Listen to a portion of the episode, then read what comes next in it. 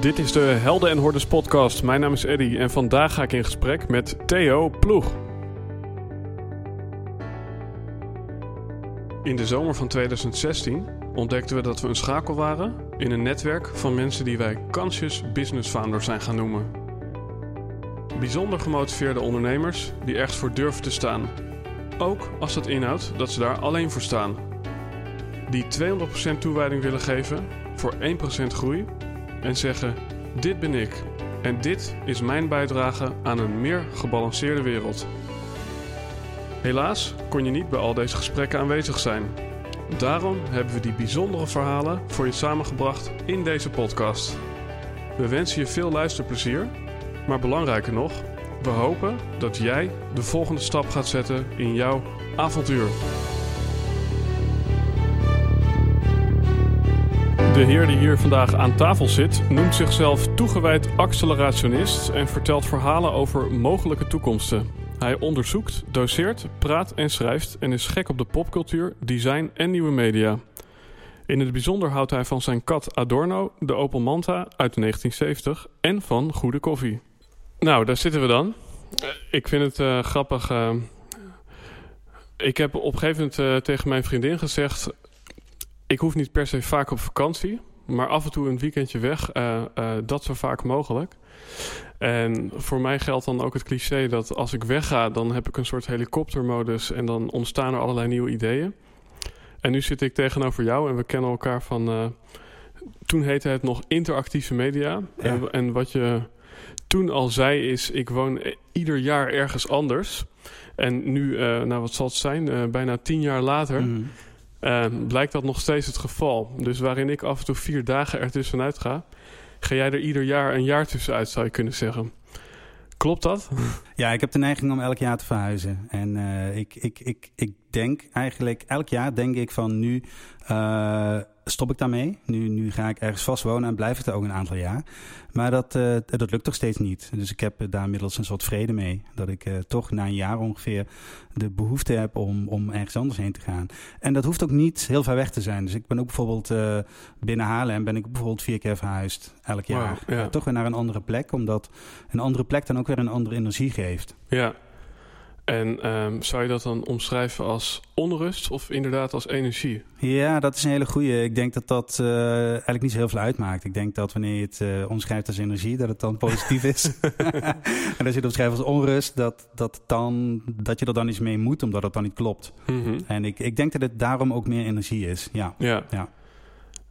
En je zegt, ik heb die neiging. Um, dan klinkt het misschien meer als een missie dan iets wat je overkomt.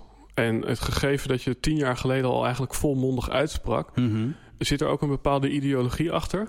Ja, dat denk ik wel. Ik, uh, ik, ik, ik kan me nog herinneren dat een van mijn eerste banen, dat was een uh, organisatieadviesbaan.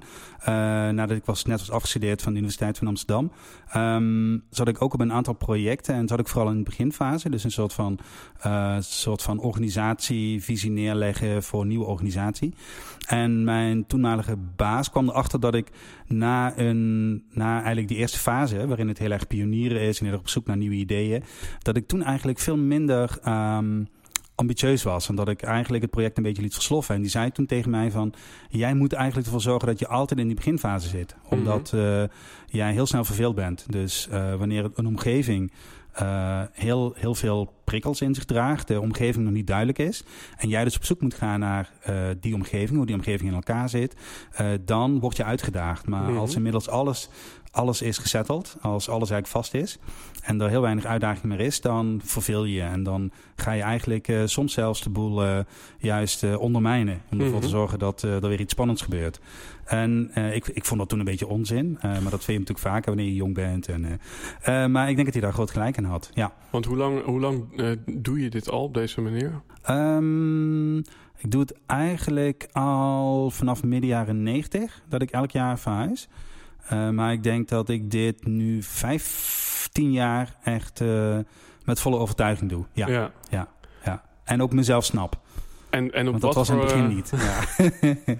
en wat voor plekken kom je dan terecht? Zijn dat plekken die je van tevoren uh, eh, ja, op de kaart met een punaise hebt aangeprikt en dan... eh, Mm, ja en nee. Het zijn ook wel plekken die gewoon gebeuren.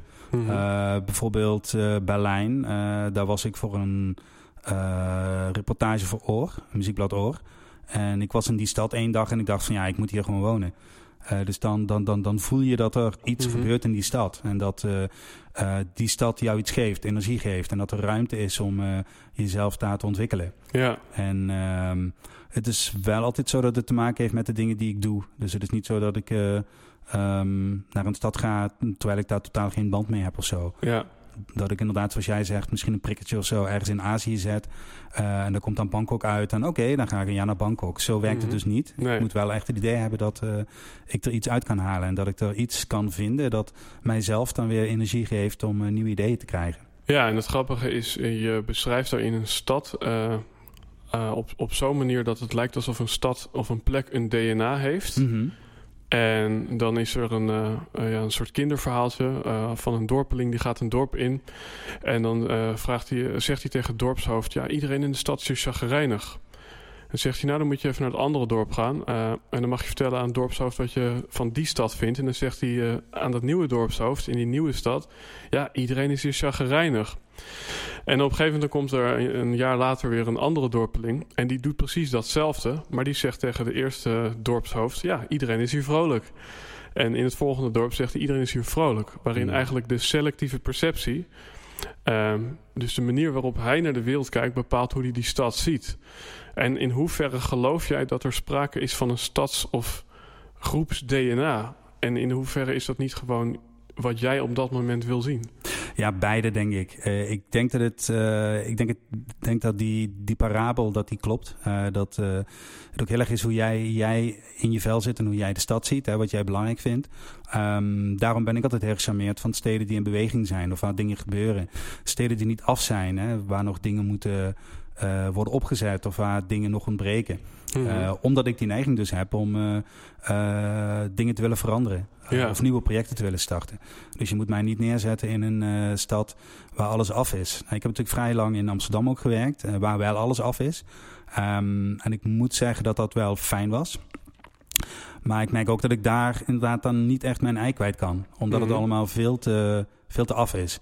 Eh, aan de andere kant kan je natuurlijk ook, en ik heb zelf sociologie gestudeerd. ook wat stadssociologie modules gevolgd op de Universiteit van Amsterdam. Ehm, dus je kan ook echt wel kijken naar eh, de geschiedenis van een stad. En daar ook een bepaald profiel uithalen natuurlijk. Ehm, het is natuurlijk niet zomaar zo dat Amsterdam een hele levendige stad is, waar veel entrepreneurship is, waar veel gebeurt.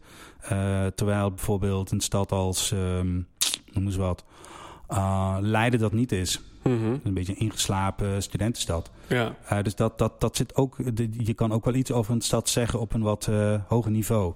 ja. Ehm, maar ik denk, ik denk dat je gelijk hebt wanneer je zegt dat de manier waarop jij zelf naar een stad kijkt, dat meer zegt over jou dan over die stad. Ja.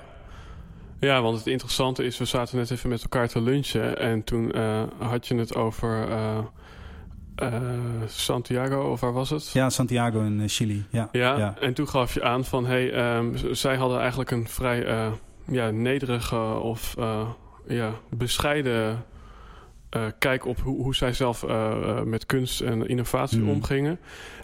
T- totdat ze jou iets lieten zien en toen eh, dacht je, holy fuck, eh, volgens mij zijn jullie beter dan, dan wij. Ja, klopt. Ja, ja, ja. ja dat, dat, dat is natuurlijk ook een beetje de, de vloek misschien van de Westerlingen. Die, die over de hele wereld gezien wordt als degene die uit het werelddeel komt waar alles gebeurt of waar de belangrijkste dingen plaatsvinden. Maar misschien zitten de beste dus- dus ondernemers dan ook wel in, in Leiden. Misschien wel. Ja, ja dat klopt. Ja. Ehm, en ik, ik, ik kan me voorstellen dat, eh, eh, nou, wat jij hier een schets van, je staat vaak ehm, een beetje aan het begin en waar nog verandering eh, mogelijk of nodig is. Hmm. Ehm, ik denk dat het ook heel erg past bij deze tijd. De enige constante is verandering, wordt er wel Mhm. gezegd. Ook, ook dat is weer zo'n hypothese, hè, waarvan Ja, je precies, kunt afvragen ja. van klopt dat? Hmm. Maar dan kan ik me voorstellen, even ervan uitgaan dat, dat dit de waarheid is. Dat je, als je zelf houdt van verandering en je begeeft je op plekken en in een tijd waar het draait om verandering, dat er dan ook een constante, een soort contragewicht nodig is in jouw leven. Heb je dat? Iets wat een soort van altijd hetzelfde is, ehm, in jouw leven?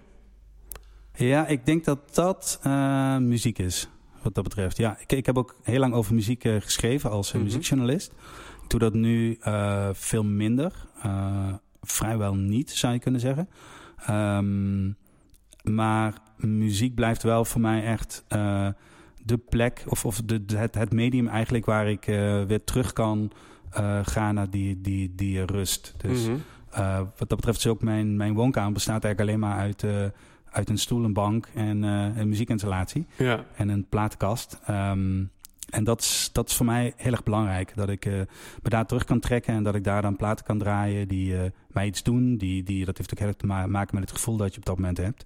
En dat geeft een enorme rust. Mm -hmm. En um, wat dat betreft denk ik dat dat, dat ook... Um, is het daarin een soort meditatie voor jou? Ja, dat denk ik wel. Ik, ik, heb, ik, heb, ik heb ook wel, maar dat is natuurlijk ook heel erg met de buitenwereld te maken, dat je op een gegeven moment uh, leest dat um, uh, je niet maar door moet gaan, want dat is niet goed. Uh, je moet niet constant werken. Uh, je, moet niet, je moet een scheiding aanbrengen tussen werk en privé. Want mm -hmm. anders dan word je helemaal overspoeld door je werk en raak je gefrustreerd, raak je oververmoeid, et cetera. dus ik heb ook wel, ik, ben, ik ben er ook wel vatbaar voor geweest voor dat soort verhalen. Dus ik heb ook van alles geprobeerd om ook een soort rust in te bouwen. yoga of mediteren. Maar dat, mm dat werkt allemaal gewoon niet voor mij. En ik kan me um, ook voorstellen dat muziek uh, uh, juist ook heel opzwepend kan werken. Klopt, ja. Uh, ja dus ja. is het daar niet ook zo dat het muziek een katalysator kan zijn om die, om die gevoelens of die energieën die er al zijn, juist nog groter te maken? Ja, ook. Ja, ja, ja, ja zo, zo werkt het natuurlijk ook, ja. En ik heb wat dat betreft, um, omdat ik misschien ook die sociologische achtergrond heb, luister ik niet zozeer naar muziek uh, om de muzikale inhoud uh, of ook hoe het gemaakt is. Maar ik hoor in muziek heel erg uh, waar het vandaan komt mm -hmm. en waarom het gemaakt wordt en wat de achtergrond is van die muziekstroming of hoe die muziek gemaakt is en waarom die zo belangrijk was. Mm -hmm. dus wanneer ik iets draai, dan, dan is het niet alleen de muziek, maar dan zie ik eigenlijk ook meteen de beelden vormen van verlaten waar uh, verlaten uh, fabrieksgebouwen in Chicago, waar mm -hmm. helemaal niets meer is, waar alles leeg is en waar mensen alleen nog maar op die muziek kunnen dansen. Ja. Dus dat geeft mij ook weer energie om nieuwe dingen te gaan ontdekken. Maar zo'n beeld... er is zoveel waar je niet um, niet bij bent geweest. Of mm -hmm. waar je misschien wel bij had willen zijn. Dat, dat is misschien wel de, de, de belangrijkste. Voor mij zou dat de mooiste uitvinding ter wereld zijn. Misschien moet ik het zelf eigenlijk gaan uitvinden. Een soort VR-applicatie. Uh, waarmee je bijvoorbeeld uh, bij het eerste krachtwerkconcert in 1971 in, uh, weet ik veel, in, in, um, in, in, in, in, in Duisburg of zo kan zijn. Of het, het afscheidsconcert van LTD Sound System in New York. Ja. En dat je dat dan kan meemaken. Niet alleen de muziek, maar ook meteen de hele omgeving. En... Is Kraftwerk jouw favoriete band? Hmm, Kraftwerk is wel heel goed, maar ik denk dat New Order... -hmm. uh, dat dat wel mijn favoriete band is, ja. ja, ja. Ook zo'n hele schizofrene band die aan de ene kant hele zoetsappige liedjes maakt. Uh, maar die liedjes zelf zijn dan wel weer, en zeker ook uh, waar de liedjes over gaan, is dan weer ontzettend uh, diep en melancholisch. En, uh... Ja, want het grappige is, als ik Kraftwerk, ik vind het zelf ook echt rete gaaf. Ik heb ze gezien mm. op Way Out West natuurlijk. Oh ja, ja. Mm -hmm. met drie vierde nieuwe formatie. Ja. Maar goed, Ralf stond daar nog en mm. het is toch het, het, gevoel dat je erbij was. Ja. Het grappige namelijk, dit hebben we ook net eventjes toevallig de revue laten passeren. Je zei, ik ben een introverte extravert? Of zei je het nou andersom? Een nee, ja, de, een extraverte introvert ja, wordt dat precies, dan genoemd. Ja. Uh, dat, volgens mij maakt niet zoveel uit hoe je het omdraait. Nee, het maakt wel uit, ja. Ja, ja. een extraverte introvert, ja, ja, ja in, introvert, ja. Want uh, als ik uh, dan aan krachtwerk denk, mm. dan denk ik aan... Uh, toevallig keken Jur en ik gisteren nog naar een videoclip van Das Model op uh, ZDF. Ah, ja. met, ja. uh, mm. met een paar oudere dames in het publiek, wat totaal Mm. niet matchte. Mm. Maar um, nou, er wordt zo ongelooflijk uh, ingetogen gedanst. En uh, Ja. ja. natuurlijk is het ook een beetje een act om een beetje roboot te zijn. Maar Mhm. toen moest ik even denken aan die opmerking van jou... van dat extravert, introvert. Van je staat daar toch als artiest... en hebt op dat moment een nummer 1 hit in de UK... Mhm. met een Duits nummer. Ehm, terwijl je tegelijkertijd eh, daar op het podium acteert... alsof je verlegen bij je moeder op schoot zit. Ja, precies. Ja, ja. en, en, en, dat, en dat is eigenlijk... Nu, nu plak ik even de beschrijving van die band een Mhm. beetje over jou heen. Van, Ja. eh, is, is dat, we- herken je dat? Dat jij... ehm, je, je, dat je eigenlijk het podium opgaat en juist een beetje bescheiden eh, jezelf opstelt? Nee.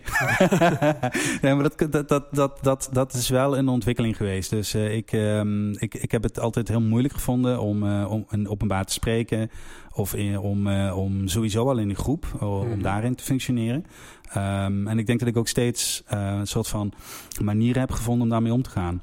Mhm. Dus ik denk ook dat bijvoorbeeld mijn, ehm, mijn journalistieke carrière daar heel erg mee te maken heeft. Dus ik vond het ontzettend. eh, eh, ik vond muziek bijvoorbeeld ontzettend belangrijk en ik wilde heel erg naar concerten toe gaan. Maar naar een concert toe gaan en daar eh, zeg maar kopje onder gaan in een hele groep. Nou, dat zie ik, zie ik echt niet zitten. Hè, dan, daar word ik ontzettend ongelukkig van. Uh, dus je wil iets heel graag waar je gelukkig van wordt, maar je weet dat de omgeving waarin je je dan moet begeven uh, ervoor zorgt dat je heel ongelukkig wordt.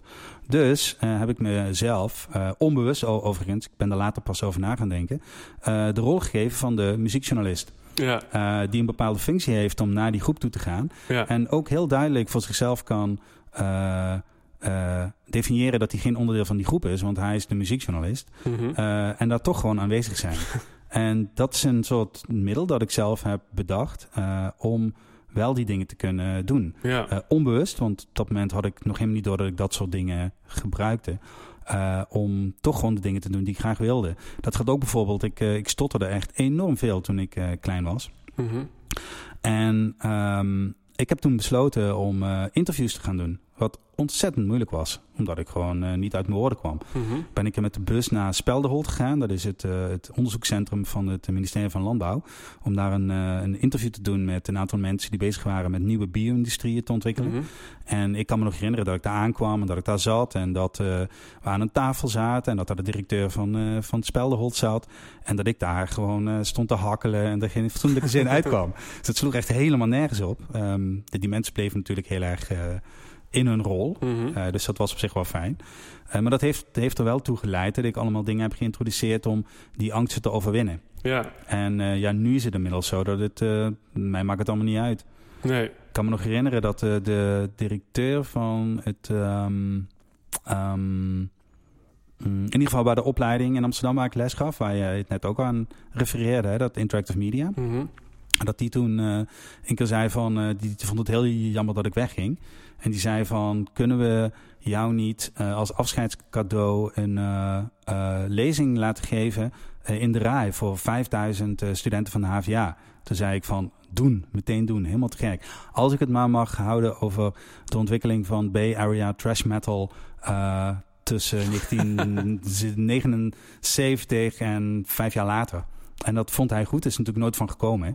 Helaas. uh, maar dan, dan ben ik wel in mijn element. Ja, ja. ja. Is dat uh, voor jou een soort regel dat je draken moet opzoeken? Dat je angsten moet overwinnen? Want je beschrijft nu twee situaties waarin je eigenlijk het omgekeerde uh, zou doen als dat wat voor de hand ligt. Mm -hmm. Geloof jij dat, uh, dat dat belangrijk is in, in je persoonlijke ontwikkeling? Dat je uh, je haaien uh, en je draken blijft opzoeken? Ja, ja, dat denk ik wel. Ja, ja, ja. ja, ja. Hangt er ook een beetje vanaf. Hè. Kijk, het, het, als, je, um, als je in een situatie gewoon gelukkig bent. Um, geluk is natuurlijk een moeilijk woord, hè, maar als je gewoon blij bent met de situatie zoals die is, maar dan moet je er ook echt blij mee zijn. En dat is natuurlijk al heel moeilijk om te weten of je het echt bent of niet. Mhm. Want uh, de menselijke geest uh, is heel goed in het uh, soort van ophangen van gordijnen, waardoor je eigenlijk helemaal niet meer door hebt dat je eigenlijk iets anders wil dan dat je aan het doen bent. Uh, maar als je daar echt uh, volle 100% van overtuigd bent, ja, dan hoef je die draken niet op te zoeken. Mhm. Um, maar als er situaties zijn uh, waarin je iets heel graag wil, maar er is een, uh, een horde, Ja, dat is ja, zo'n woord dat ja. natuurlijk ook in jullie omschrijving Mhm. staat, um, dan moet je die horde wel nemen, ja. Ja, Ja. ja.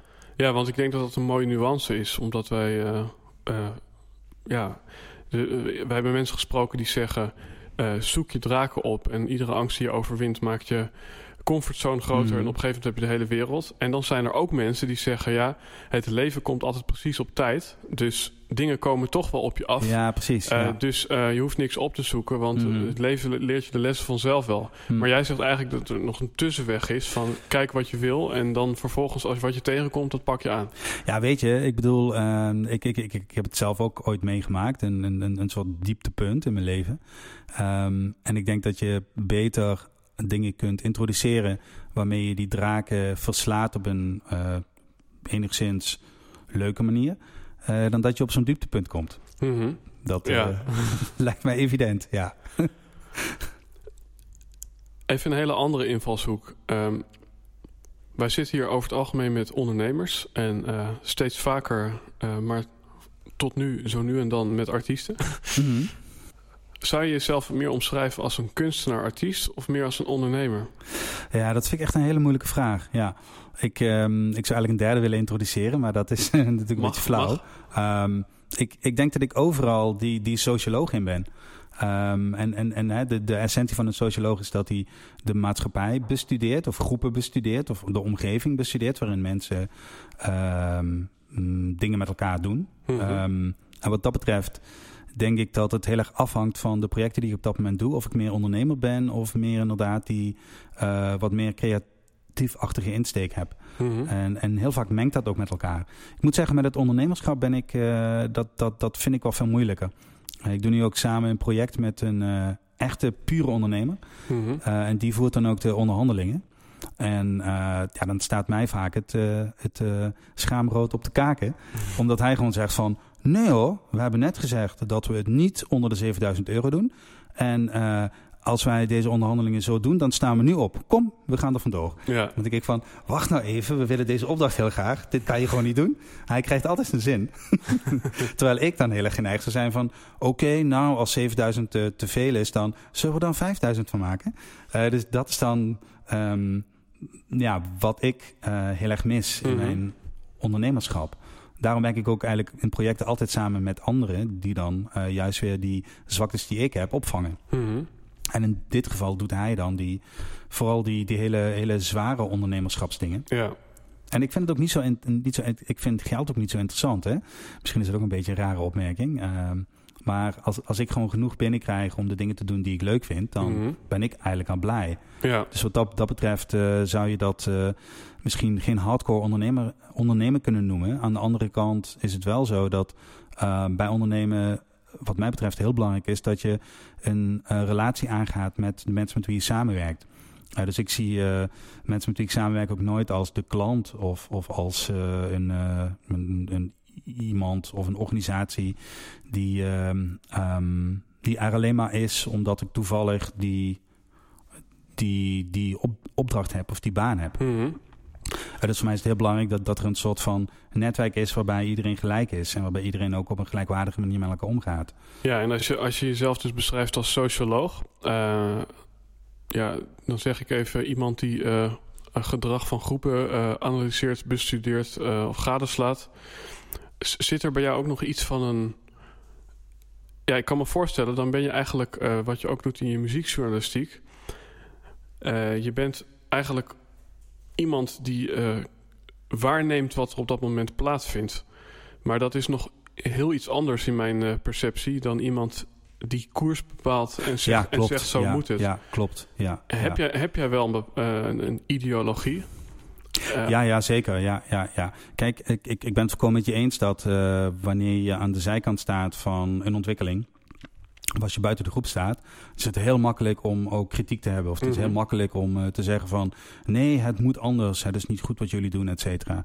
Dus ik vind het zelf heel belangrijk dat je niet alleen buiten de groep staat, maar dat je ook op een gegeven moment onderdeel wordt van de groep. mhm. Want als je geen onderdeel bent, dan weet je ook niet eh, wat er de groep echt speelt. ja. Eh, want wat dat betreft denk ik niet dat eh, je van een afstand echt kunt bepalen wat er aan de hand is.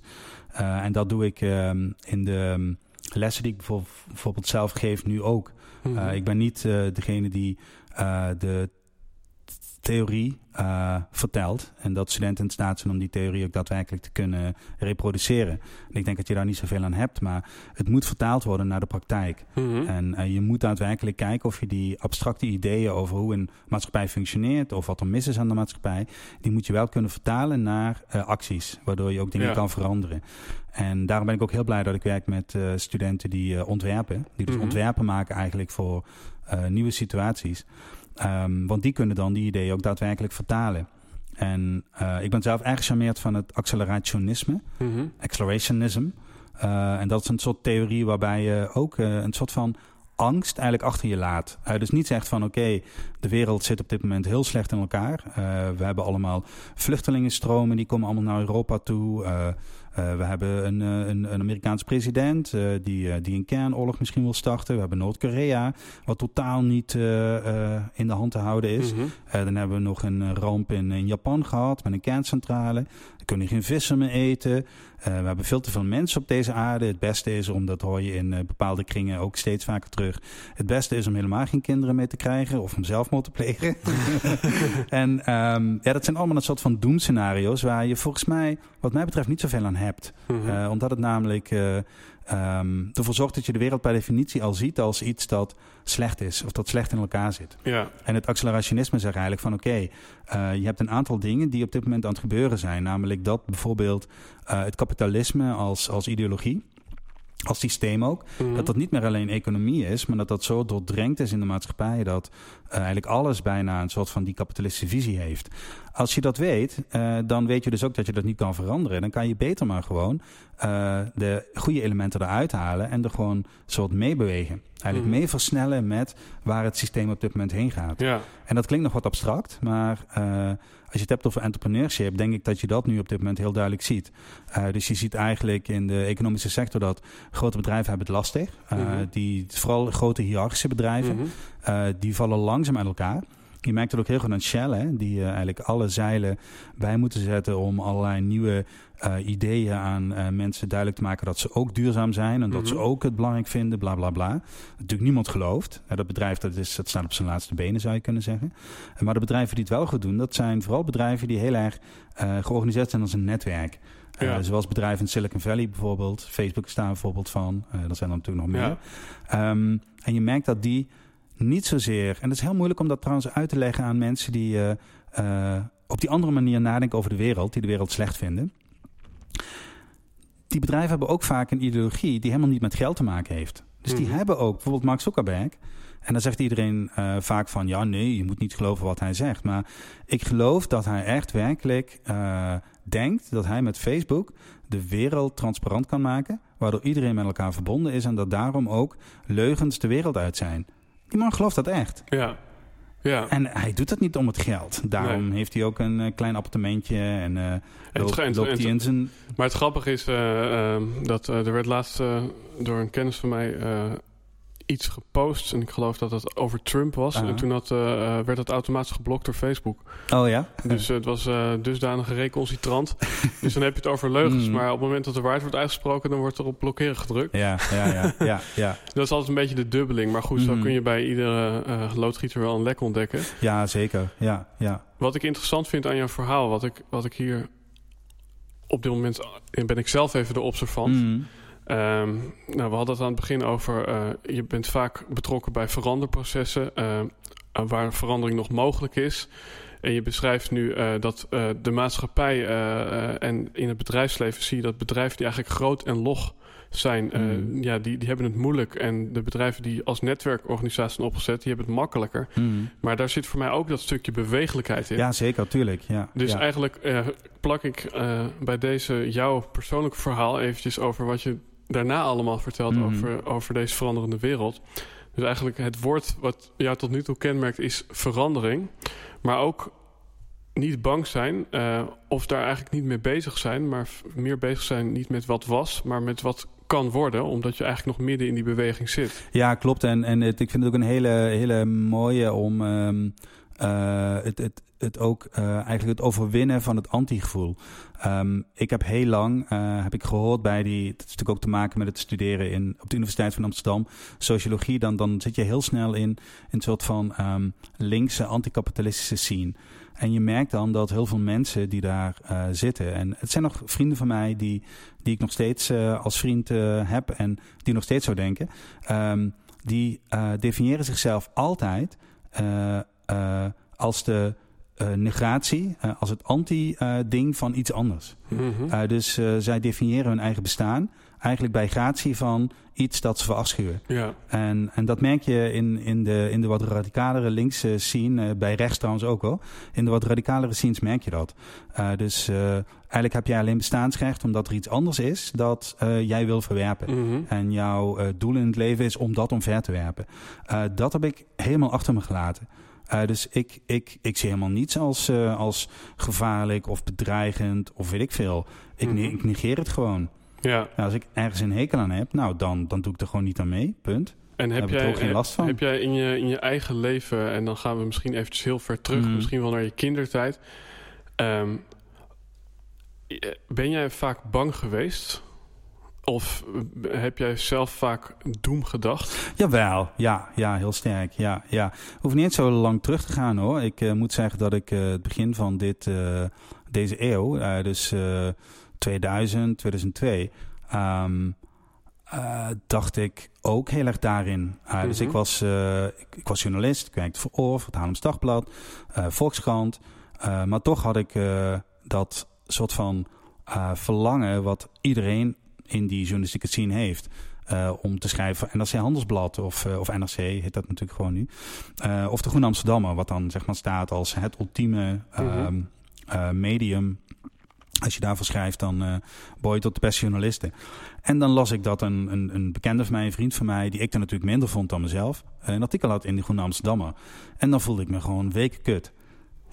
Daar was ik weken gewoon helemaal ondaan. Van hoe kan dat nou? En, en uh, het belachelijk. En uh, ik moet eigenlijk schrijven voor de Groene Amsterdammer. Dus ik voelde me altijd kort gedaan door mijn omgeving. Mm -hmm. En het was altijd de ander die zeg maar schuld was. Ja. Uh, en, en op een gegeven moment werd dat echt radicaal. Ik ben echt alleen nog maar bezig met het bereiken van iets, omdat dat zogenaamd in de maatschappij stond als het hoogste dat ik binnen mijn route natuurlijk zou kunnen bereiken. En uh, ja, op een gegeven moment komt dan die, gelukkig, die switch van... Uh, hey, wacht eens even, ik ben eigenlijk alleen maar bezig met de buitenwereld. Ik ben alleen maar bezig met wat de buitenwereld, wat de maatschappij zeg maar belangrijk vindt. En ik wil dat bereiken om mm -hmm. blijkbaar vanuit de buitenwereld uh, te horen te krijgen... Of, of, of te zien te krijgen dat ik echt toe doe, dat ik besta, ja, ja. dat ik belangrijk ben. En dat, ehm, ja, dat was wel een heftig proces. Maar gelukkig ben ik daar nu, door, nu, nu doorheen. Ja. Maar het interessante vind ik dat uh, als socioloog... dan is eigenlijk je vak om constant uh, te vergelijken, te ja. relateren mm. en gade te slaan. Uh, dus het lijkt me ook heel moeilijk om, om dan eigenlijk jouw eigen geluid te laten klinken. En dan ja, noem, klopt. noem je dat muziek jouw rustpunt is. Dat is natuurlijk mm. letterlijk een geluid. Dus die zin wel een mooie metafoor.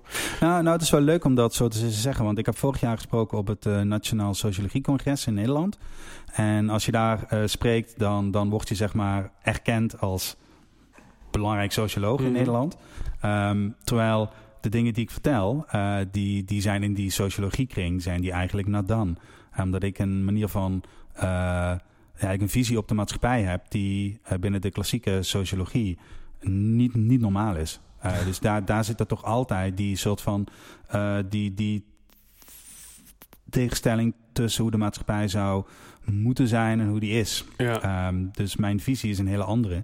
En het mooie is, ik sprak daar en ik had al ook van uh, mensen die in mijn publiek zaten gehoord dat andere uh, sociologen die voor mij waren ook daar een opmerking over gemaakt hadden dat ik daar stond. En ik had daar dat verhaal over dat accelerationisme.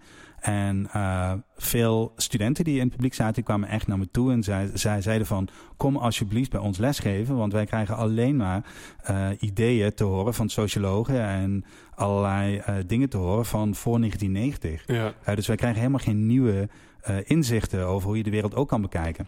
Mm -hmm. Dus het, op zich is het wel leuk dat, je, je dan, dat, dat ik in ieder geval dan wel erkend word als iemand die een belangrijke visie heeft. er toch niet echt bij hoor. Mhm. maar dat ik ook niet meer die, dat verlangen heb om er per se bij te horen. In de zin van, als ik niet uitgenodigd was, dan had me dat ook helemaal niet, niet uitgemaakt. Nee, maar het, de, de dubbeling die ik hier hoor is... van de ene kant heb je het over erbij horen... en dat je daar nu niet meer zo mee bezig bent. En tegelijkertijd uh, hebben we het gehad over bestaansrecht. En ik kan me Mhm. voorstellen dat juist door er helemaal niet bij te horen... door een recalcitrant geluid te laten, Mhm. te laten horen... dan hoor je er misschien niet bij... maar het geeft wel een hele hoop bestaansrecht. Want iedereen heeft het over je. Ja, dat klopt. En, en ik denk dat daarmee, eh, dat is trouwens een onbewuste unique selling point. eh, dat het dan ook heel belangrijk is dat je niet anti bent. Eh, Mhm. Dus als jij recalcitrant bent en je schopt tegen alles aan, dan wek je natuurlijk woede op. Mhm. Maar als je een ander geluid hebt en je zegt van ja, ik heb een andere mening over dit of een andere visie eh, op hoe eh, dit en dit eh, in elkaar zit dan jij, maar ik vind het verder best dat jij die visie hebt, Ja, dan word je interessant. Dan ja. denken mensen, hey, wacht eens even, je hebt een andere mening dan ik, tegenovergestelde mening. En toch vind je dat, dat dat geen probleem is. Mhm. Dus dan, dan kun je ook die, ehm, dat gesprek aan. Ik merk het ook als socioloog trouwens heel sterk in de omgeving waar ik nu woon. Ik ben nu eh, ik ben een tijdje geleden naar Heerlen verhuisd. Een van Mhm. de, in ik woon nu ook in een van de armste wijken van Nederland. Zo'n vogelaarswijk. En ehm, daar zitten natuurlijk heel veel stemmers die gestemd op Wilders. Mhm. Eh, en normaal gesproken wordt dat, worden die mensen gezien als, eh, als eh, xenofobisch, als racisten, als mensen die, die bang zijn voor alles, hè, die, de, hè, de islamofoben. Ehm, en door juist de houding te hebben die ik heb, raak je in gesprek met die mensen. En dan Ja. blijkt eigenlijk dat ze dezelfde angsten hebben als, als iedereen. Ze zijn eigenlijk ook bang voor het milieu. Ze zijn ook bang voor de economische crisis. Eh, ze, ze zien ook dat eh, banen in de zorg verdwijnen en dat de zorg langzaam wordt uitgehold. Mhm. En dat dat heel problematisch is. Vooral daarom dat eh, mensen die eh, in een achterstandswijk wonen, zijn vaak ook veel ongezonder dan mensen die in andere wijken wonen. En- dus en- het speelt en- daar ook ontzettend. En dan, dan blijkt opeens dat wanneer je niet bedreigend bent, je stelt je niet op als anti, Mhm. dat je dan opeens iemand bent waar wel mee gesproken wordt. En dat je dan wel een band kan opbouwen en een normaal gesprek kan voeren. Mhm. Waardoor je veel dichter bij elkaar komt. Maar je, je zegt eh, niet als anti, maar ik kan, kan me ook voorstellen dat als je een, een tegenovergestelde geloofsovertuiging Hmm. poneert, dat mensen dan denken van eh, wat de fuck kom je doen? ja, dat moet je natuurlijk wel op een bepaalde manier eh, verpakken. Hè? ja, en, en ik denk dat daarom ook het, wat, het, het vertellen van verhalen, Mhm. ehm, dat dat veel beter functioneert dan het poneren van feiten. ja, Als je feiten poneert, dan wordt iemand geconfronteerd met eh, iets dat eh, zo is. ja. En, En zijn dat eh, dan jouw verhalen of verhalen eh, die je eh, weer van iemand anders hebt? Het, het, zijn, het, het, het zijn beide. Ja, ik, ik heb heel erg de neiging, eh laatst eh, een vriendin van mij die eh, wees me ook al op, dat ik soms de neiging heb om eh, verhalen die anderen hebben verteld, eh, ook te gaan vertellen aan anderen, maar dan met een andere draai. Oké, Eh, dus blijk, blijkbaar. alsof het eh, jouw verhaal was. Mm, ja, ongeveer wel. Ja, ja. ik, ik, ik weet niet of ik nou heel blij ben met die eigenschap overigens. Eh daar moet ik heel veel van nadenken, omdat ik er pas mee geconfronteerd ben. Maar het, het werkt wel om daar weer een, een draai aan te geven, een verhaal te vertellen, waardoor je weer met iemand contact kan maken. Ja, En ik denk, denk, denk dat dat ook voor mij wel belangrijk is. Alhoewel we het net hadden over het feit dat ik natuurlijk ook die introverte eh, kant heb. mhm. Ehm, maak ik heel graag contact met andere mensen. En het moet dan wel een betekenisvol iets zijn. Het Ja. moet niet een soort van eh, eh, contact zijn dat nergens over gaat. Nee. Dus van de ene kant verhalen. Ik heb ook wel eens gehoord, eh, imperfectie maakt verbinding. Of be- beter gezegd, die quote heb ik zelf bedacht, maar Mhm. gebaseerd op iets anders. Ehm, ik kan me ook voorstellen dat je kwetsbaar opstellen, even los van of het verhaal is, maar gewoon zeggen hoe je voelt of wat- Mhm. wat er in jou beweegt, dat dat ook kan werken. Ja, klopt. Ja. En ik, Ja. moet, ik moet heel veel denken aan een, eh, aan een verhaaltje van eh, een koning met duizend schapen. eh, nee, met duizend vrouwen. Die, eh, die ging met, met, met die ene vrouw van die arme boer, die maar één Mhm. vrouw had. En toen vervolgens ja, vond iedereen dat verschrikkelijk. En toen werd hem door een boodschapper een verhaal verteld van... hey, als jij nou duizend schapen zou hebben... en je eh, moet eh, wat te eten hebben... en er is een boer met één eh, schaap... En dat is zijn enige bezit en zijn enige eten... en je zou dat eten opeten...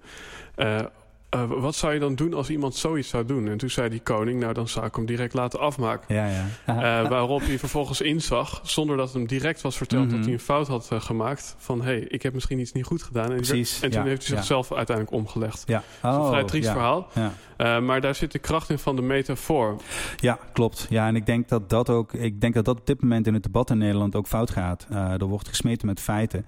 En eigenlijk wordt daar, daardoor de kloof tussen uh, twee verschillende groepen wordt daarmee steeds groter.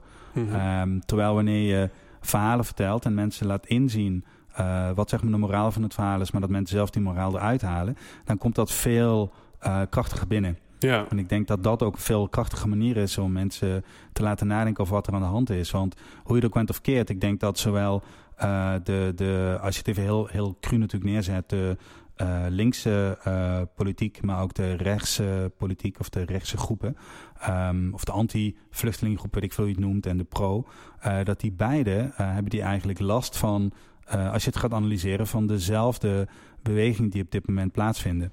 Dus het heeft allemaal te maken met de politiek die, die wij in het Westen de afgelopen jaren hebben uh, gehad. Hè. Het, het, het, overal oorlog voeren, het heeft te maken met, met het milieu, het heeft te maken met het klimaat, mm -hmm. uh, voedseltekorten, et cetera. Um, en in feite uh, worstelt iedereen daarmee. En op een soort van metaniveau heeft iedereen daar last van. Maar iedereen uit het op een andere manier. Dus als je met elkaar in gesprek raakt, dan kom je er eigenlijk achter dat het dat de problemen die je hebt, dat die dezelfde zijn. En dan kun je er ook daadwerkelijk iets aan doen. Ja, maar dat, dat vergt uh, ja, een stukje graafwerk. Ja, zeker. Ja, ja, en, en, ja. en denk jij dat dat nog mogelijk is in een tijd waarin alles zo snel gaat en waarin de aandacht zo kort is? Ja, ik, uh, ik, ik, geloof daar wel in. Ja. Ik denk dat, kijk, het hele punt is, maar dat heeft ook heel erg te maken met, uh, met, um, met het soort van inzicht in, in wetenschap of zo. Ik, ik, ik, ik heb me altijd heel erg verdiept in wetenschapsfilosofie, omdat ik vroeger een soort van obsessie had met het vinden van de waarheid. Mm -hmm. Alsof er gewoon van één waarheid is die altijd en overal geldt. En eigenlijk denk ik dat dat gewoon niet is. En dat de wetenschap altijd, maar dat wij ook altijd verhalen hebben verteld om de realiteit, die sowieso niet um, te ontdekken is, want die is eigenlijk ook gewoon niet. Het is constructie. Uh, dat die altijd anders is. En dat je nooit een model kan verzinnen dat volledig één op één overeenkomt met die werkelijkheid. Mhm. Um, dus ook wetenschap maakt altijd maar een model van de werkelijkheid. En als Ja. je dat eenmaal doorhebt, dan snap je ook dat je beter een positief model kunt hanteren dan een negatief mo- Ja, model. ja. Want als je een positief eh, model hanteert, dan is er in ieder geval nog hoop. ja. Eh, dus ik, ik gebruik altijd dat eh, model waarbij er altijd hoop is. ja. En ik, ik geloof dat ook. Ik denk echt dat de wereld op dit moment eh, langzaam... Kijk, je kunt focussen op de aspecten die, ehm, die eh, zouden kunnen leiden tot een heel negatief beeld. We hebben het net gehad over eh, die vluchtelingenstromen, het klimaat bijvoorbeeld. Mhm. Ehm, aan de andere kant zie je juist, waar we het net ook over hadden, dat steeds meer bedrijfjes langzaam uit elkaar vallen. Dat steeds meer hiërarchieën eigenlijk in, uit elkaar vallen en netwerken worden. En dat zie je ook eh, in business. Hè, dat steeds Mhm. meer mensen eh, connecties met elkaar aangaan en met elkaar gaan samenwerken op basis van betekenis, op basis van emotie. Dus het gaat niet alleen meer om het geld, maar het gaat ook om een soort van prettige manier van met elkaar samenwerken. En het realiseren van eh, je eigen dromen, wat je echt belangrijk vindt. ja. En die ontwikkeling zie je ook op hetzelfde moment. Mhm. Dus er gebeuren ook dingen die positief zijn. Ja, en ik kan me ook voorstellen dat juist doordat er inderdaad zo'n Amerikaanse president is en Mm. Eh, hier eh, in ons land ook het een en ander gebeurt, dat, je, dat de mensen die er al mee bezig waren juist extra gemotiveerd zijn om te gaan voor dat stukje Ja, idealisme klopt, en hoop. precies. Ja, Ja. ja, ja. ja. Dus Ja. het kan juist ook een katalysator zijn. Mhm. Wie, wie ehm, nee, ik ga hem bij jou even anders doen. Mhm. Wat is jouw favoriete auto? Open Manta. Dat wist je al, hè? Ja. Nou, ik, ik, Nee. ik- als je het dan hebt over verandering, dan Mhm. ging ik er eigenlijk vanuit dat het in tien jaar tijd wel veranderd was. Nee, nee de, er, zijn, er zijn een bepaald soort stijliconen en dat, en dat blijft... eh, misschien is dat ook wel een soort van de, de core van... van ehm, mm, symbolen waarmee ik mezelf neerzet of zo. Mhm. Ja. En de Open Manta hoort daar nog steeds bij. Ja. Want waar staat de Opel Manta voor? Nou, de Open Manta staat, staat eigenlijk ook een beetje voor, het, voor, voor een periode die um, heel interessant was. Begin jaren 70 kwam die auto op de markt.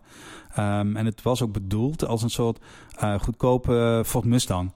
Uh, in Europa, die ook betaalbaar was voor eigenlijk iedereen. Uh, dus iedereen had opeens uh, de mogelijkheid om een hele coole sportauto te kopen. Mm -hmm. die, die betaalbaar was en die ook nog een keer cool uitzag. Um, en dat komt eigenlijk op in een tijd, jaren 70, dat je aan de ene kant op het hoogtepunt zit van de welvaart, westerse mm -hmm. economie die eigenlijk nooit hoger gekomen is dan op dat moment. Maar op datzelfde moment zie je dat eigenlijk de, de, de westerse droom, de, de westerse kapitalistische economie al in elkaar begint te storten.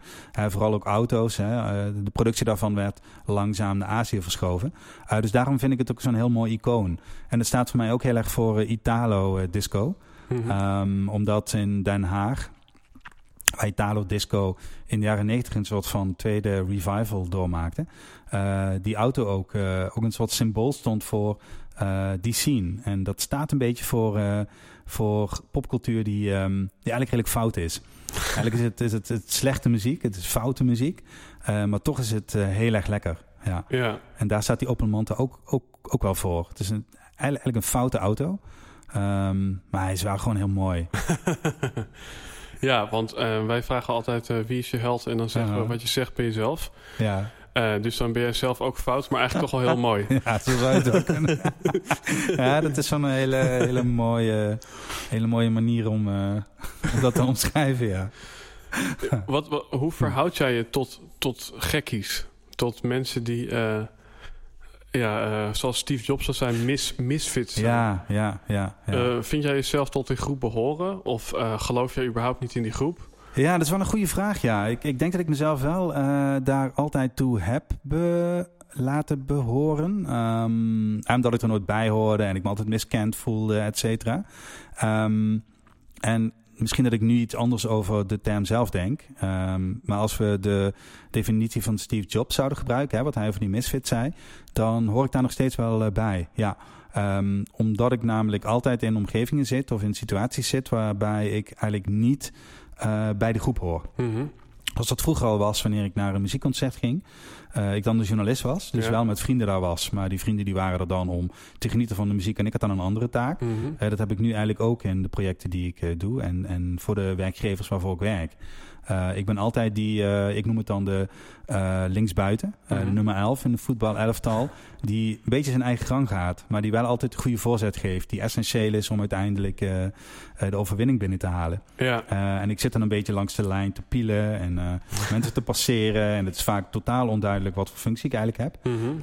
maar uiteindelijk heeft het een enorme meerwaarde voor het team.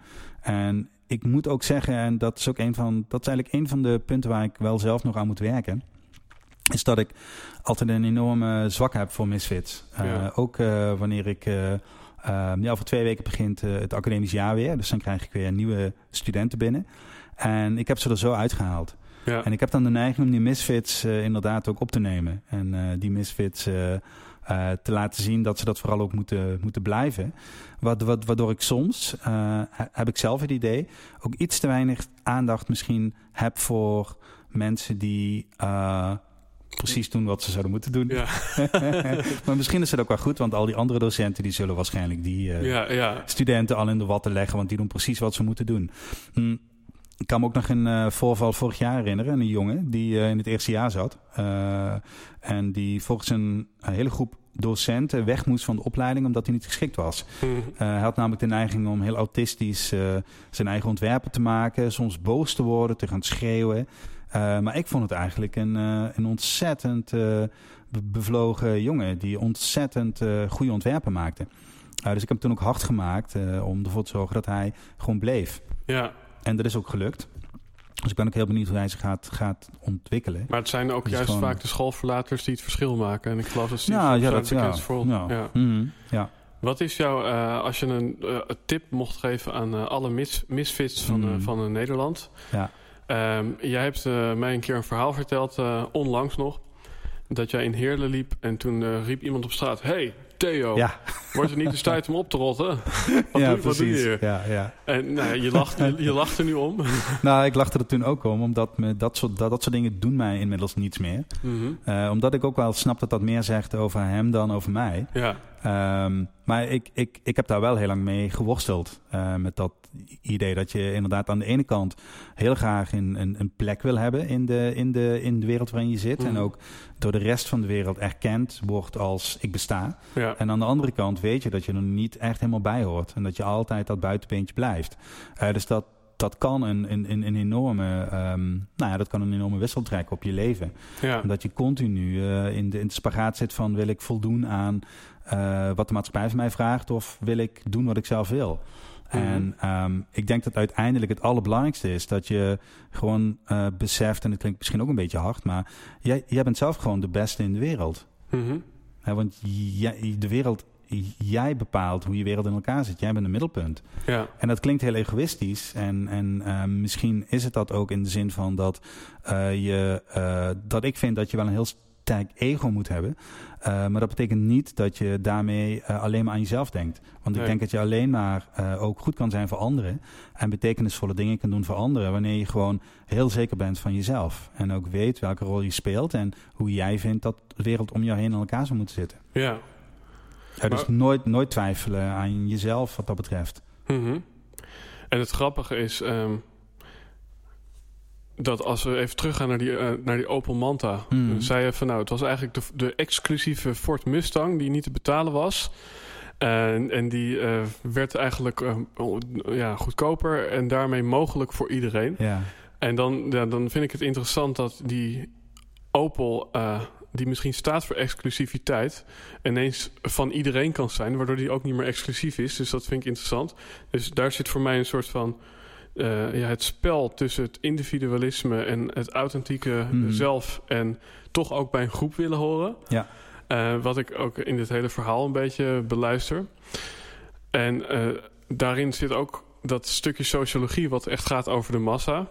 Maar dat je hier eigenlijk beschrijft van ja, ik ben een soort van geboren anders dan de rest. ja nou, nou kijk, ik denk dat, dat we leven ook in een maatschappij waarin het beetje een regel is eh, dat we denken dat we alleen niets kunnen bereiken. En dat je altijd anderen nodig hebt. Hè? Dat je Mhm. eh, een hele groep moet, mensen moet optrommelen om een massa te creëren, om een beweging eh, in gang te zetten en dan verandert iets. Ik geloof dat dat niet zo is. Ik denk dat je als individu ontzettend eh, veel macht hebt eh, over hoe jij je eigen leven inricht. En Mhm. ik denk dat het bijvoorbeeld veel belangrijker is dat wanneer jij iets bepaalds eh, niet wil, bijvoorbeeld eh, de, de bio-industrie, als je dat vreselijk vindt. Nou, het belangrijkste dat je kan doen is gewoon, eh, gewoon niets kopen uit de bio-industrie. Mhm. Dan, dan, dan maak je al zo'n enorm statement. En ehm, het hele punt is ook, en dat is ook een Duitse filosoof die daar onlangs een boek over geschreven heeft. Gabriel heet hij. Gabriel, denk ik. Mhm. Het boek heet in het Duits Es gibt die Welt nicht. Eh, dat betekent de wereld bestaat niet. En ik denk dat hij er groot gelijk in heeft. Eh, wij hebben de neiging in het Westen om een idee te scheppen van de wereld, zoals die zou moeten zijn. Maar in feite is dat gebaseerd op allerlei aannames, op allerlei ideeën hoe wij de wereld zien. En in feite is er helemaal geen wereld. Jij beschrijft hoe jij die wereld ziet. Mhm. En hoe jij vindt dat de wereld in elkaar zit. En wat dat betreft is elke actie die jij zelf onderneemt... een actie die ervoor zorgt dat jouw wereld verandert. ja. En ik denk dat heel veel mensen dat niet doorhebben. Dat het gewoon zo belangrijk is dat je eh, zelf eh, actie kan ondernemen... en dat jij daarmee echt die wereld verandert. Mhm. En dat het niet zo is wat de maatschappij eh, je probeert te laten denken... dat dat geen zoden aan de dijk zet... of dat het een druppel op een gloeiende, plaat is. En geloof jij dat al die verschillende eh, ideologieën of eh, leefwijzen, want je zegt eh, eh, ook eerder je passie leven en je ding doen, Mhm. geloof je dat die allemaal naast elkaar kunnen bestaan? Ja, dat geloof ik, ja. ja ik heb daar nu ook hele discussies over met een aantal andere sociologen. die ook heel erg uitgaan van het idee van... we hebben nu landen. Mhm. En je hebt Nederland, je hebt Duitsland, je hebt dit. Nou, in Nederland moeten we allemaal hetzelfde vinden. Want Mhm. we hebben een bepaald land, we leven met elkaar samen... dus moet er een soort consensus zijn.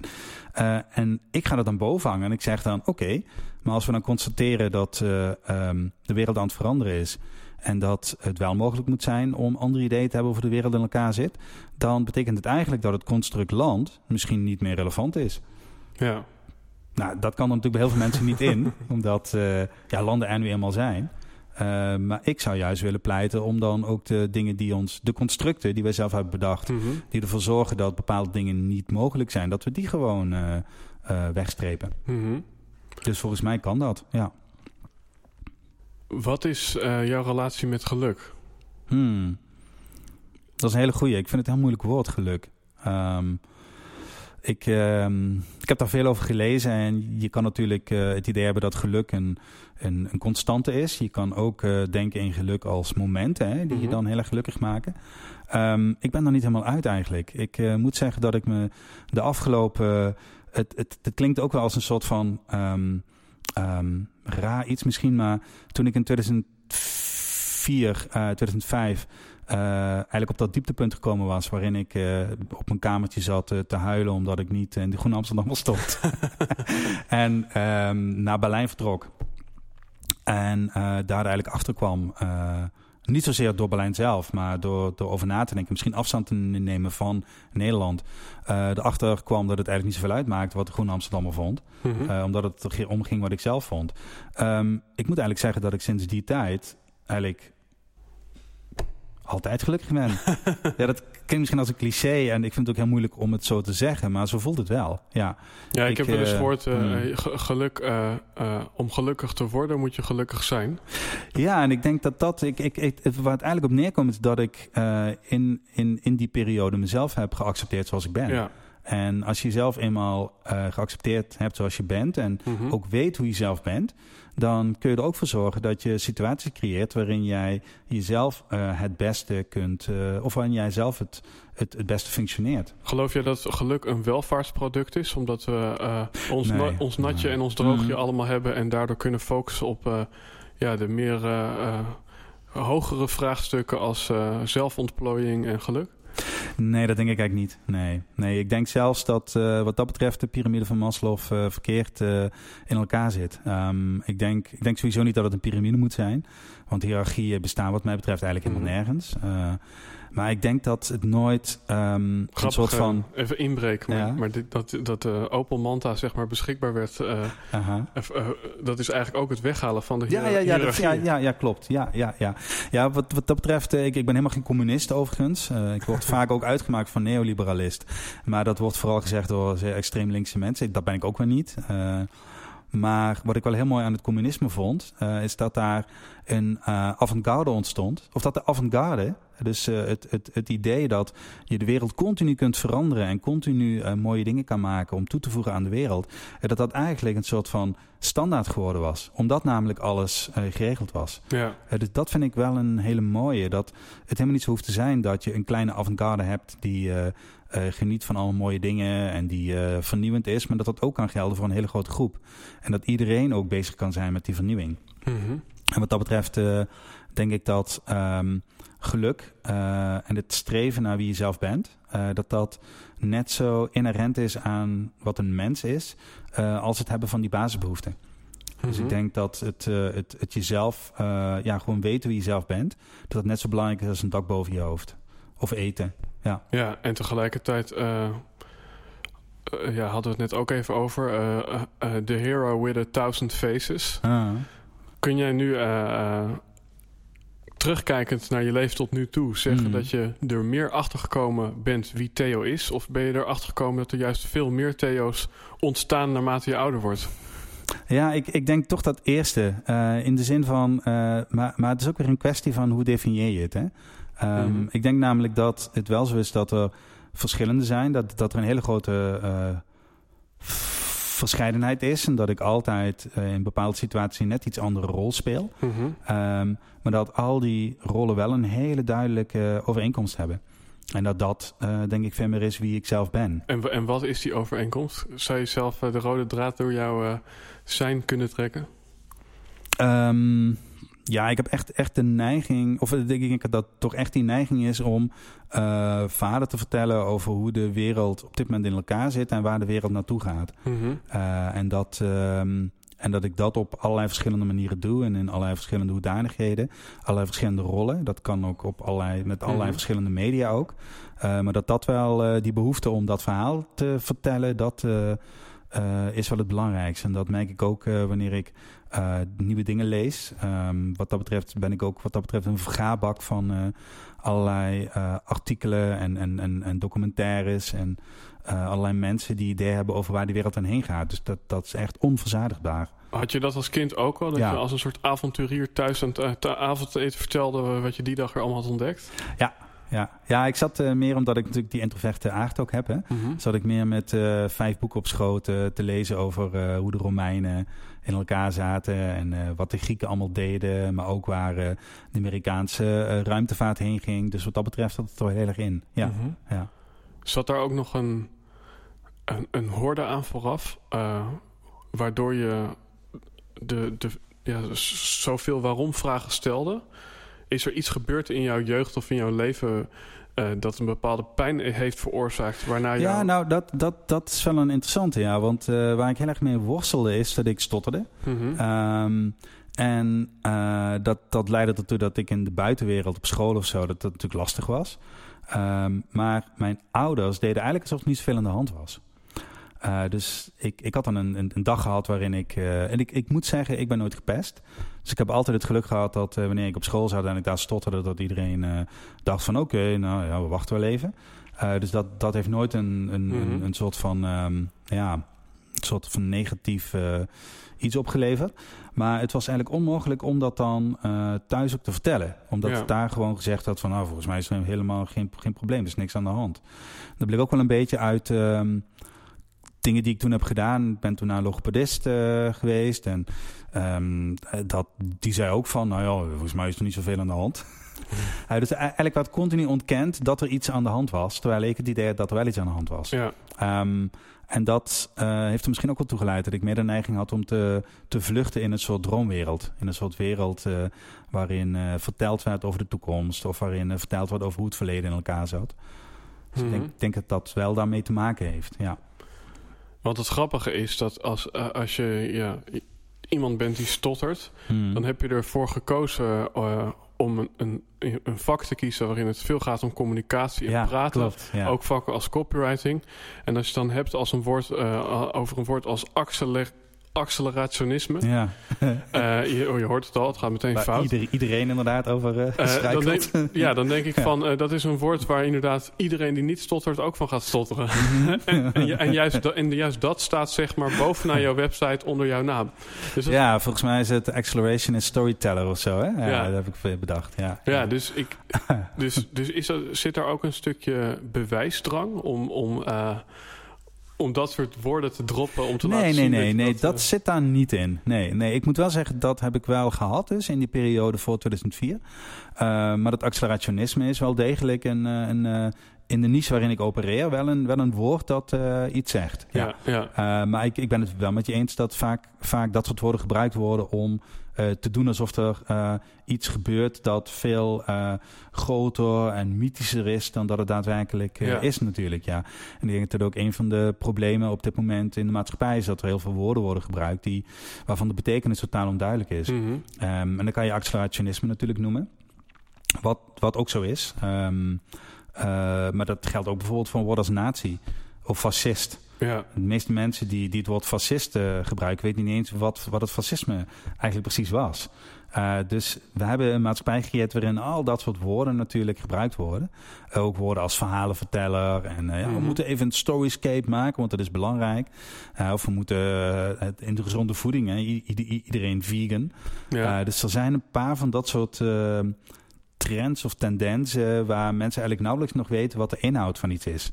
Ja. En ik, ik, ik zelf vind dat, vind dat geen goede ontwikkeling. Nee. Dus ook wanneer ik accelerationisme uh, gebruik, dan, uh, dan, dan leg ik het wel uit. Of dan leg ik wel op zo'n manier uit dat uh, mensen er ook iets daadwerkelijk mee kunnen doen. Omdat het doen belangrijker is dan ja, een soort van ja. ideeën verzinnen, verhalen vertellen die niet daadwerkelijk in praktijk ook mm -hmm. een mhm. soort uitwerking hebben. Maar zijn die woorden noodzakelijk? Of kun je niet ook gewoon zeggen uh, mee veranderen? Ik noem maar wat.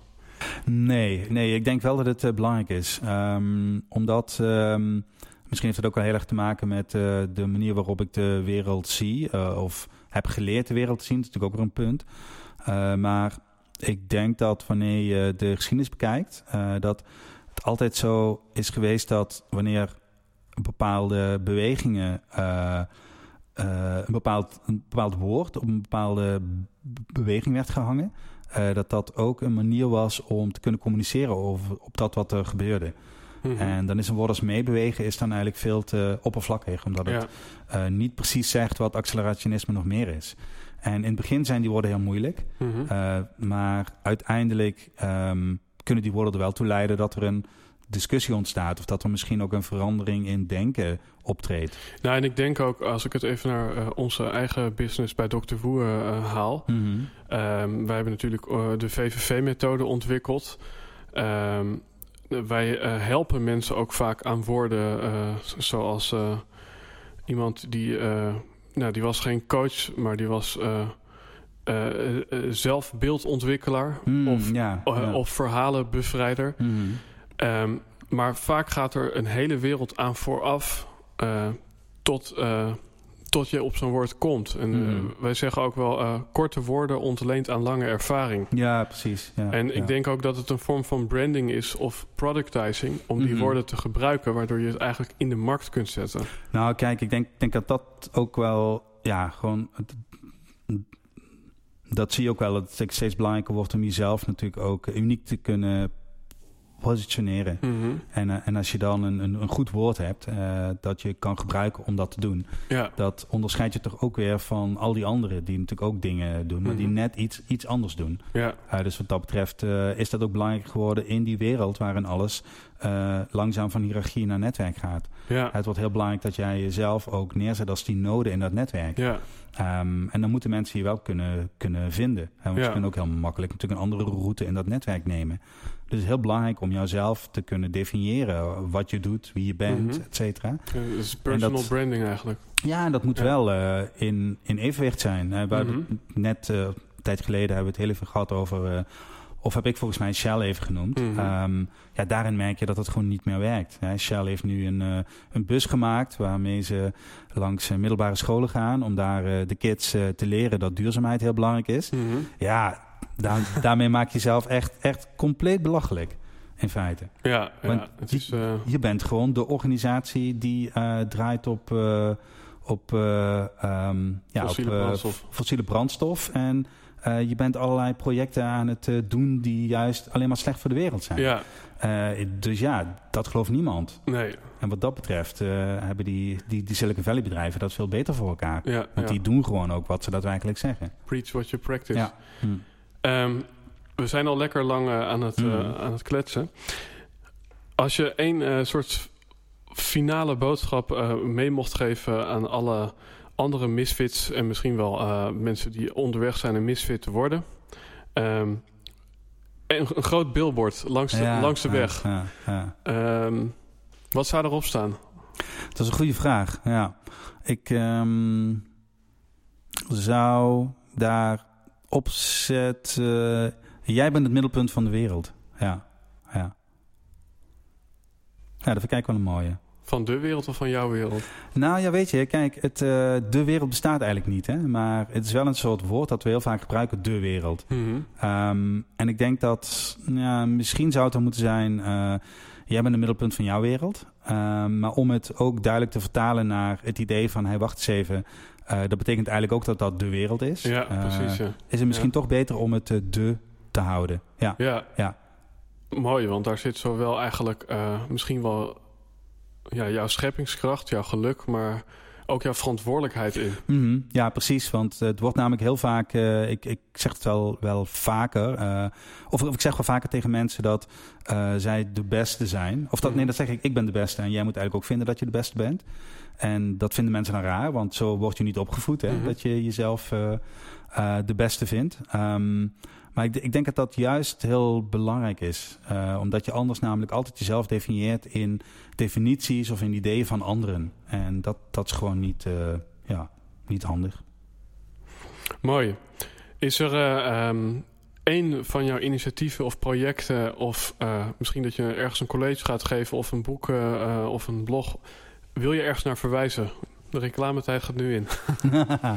nou ja, misschien mijn eigen studio nu, Studio Hyperspace. Uh, website is studiohyperspace.net. Uh, waar ik probeer om die uh, theorieën, accelerationisme onder andere, te vertalen naar praktijk zodat mhm. het ook daadwerkelijk een impact heeft. Want alleen maar praten over die dingen, dat heeft natuurlijk ook geen zin. En dat doe ik een aantal projecten mee. En dat wordt ook bijgehouden op die website. Dus ik denk dat dat wel een goede representatie is van wat ik op dit moment doe. Ja. Nou, dankjewel Theo. Um, voor de luisteraars, als jullie over deze uitzending uh, willen meepraten, als jullie het er totaal niet mee eens zijn, uh, uh, dan kunnen jullie naar Helden en Hordes of hashtag Helden en Hordes op Twitter communiceren. ofwel direct naar Theo en dat is at... Studio Hyperspace zou je kunnen doen op Twitter. Ja. Oké. Okay. Um, verder hebben we een mooie Facebookpagina waar ook regelmatig allemaal mooie video's verschijnen. Ik ga hem afronden, Theo. Uh, dankjewel. Ja, het was echt uh, heel leuk om hier te zijn. Ja, super, dankjewel. Dag Dankjewel weer voor het luisteren. Misschien leuk voor jou om te weten. We hebben tegenwoordig een online opleiding www.bevrijdjeverhaal.nu. En daar kun je, net zoals vele gasten in deze podcast, jouw verhaal kraakhelder maken. Dus zet die eerste stap naar meer plezier in je werk en meer bijdragen aan je omgeving. En neem een kijkje op onze website. En ik check je later bij de volgende podcast. Ciao.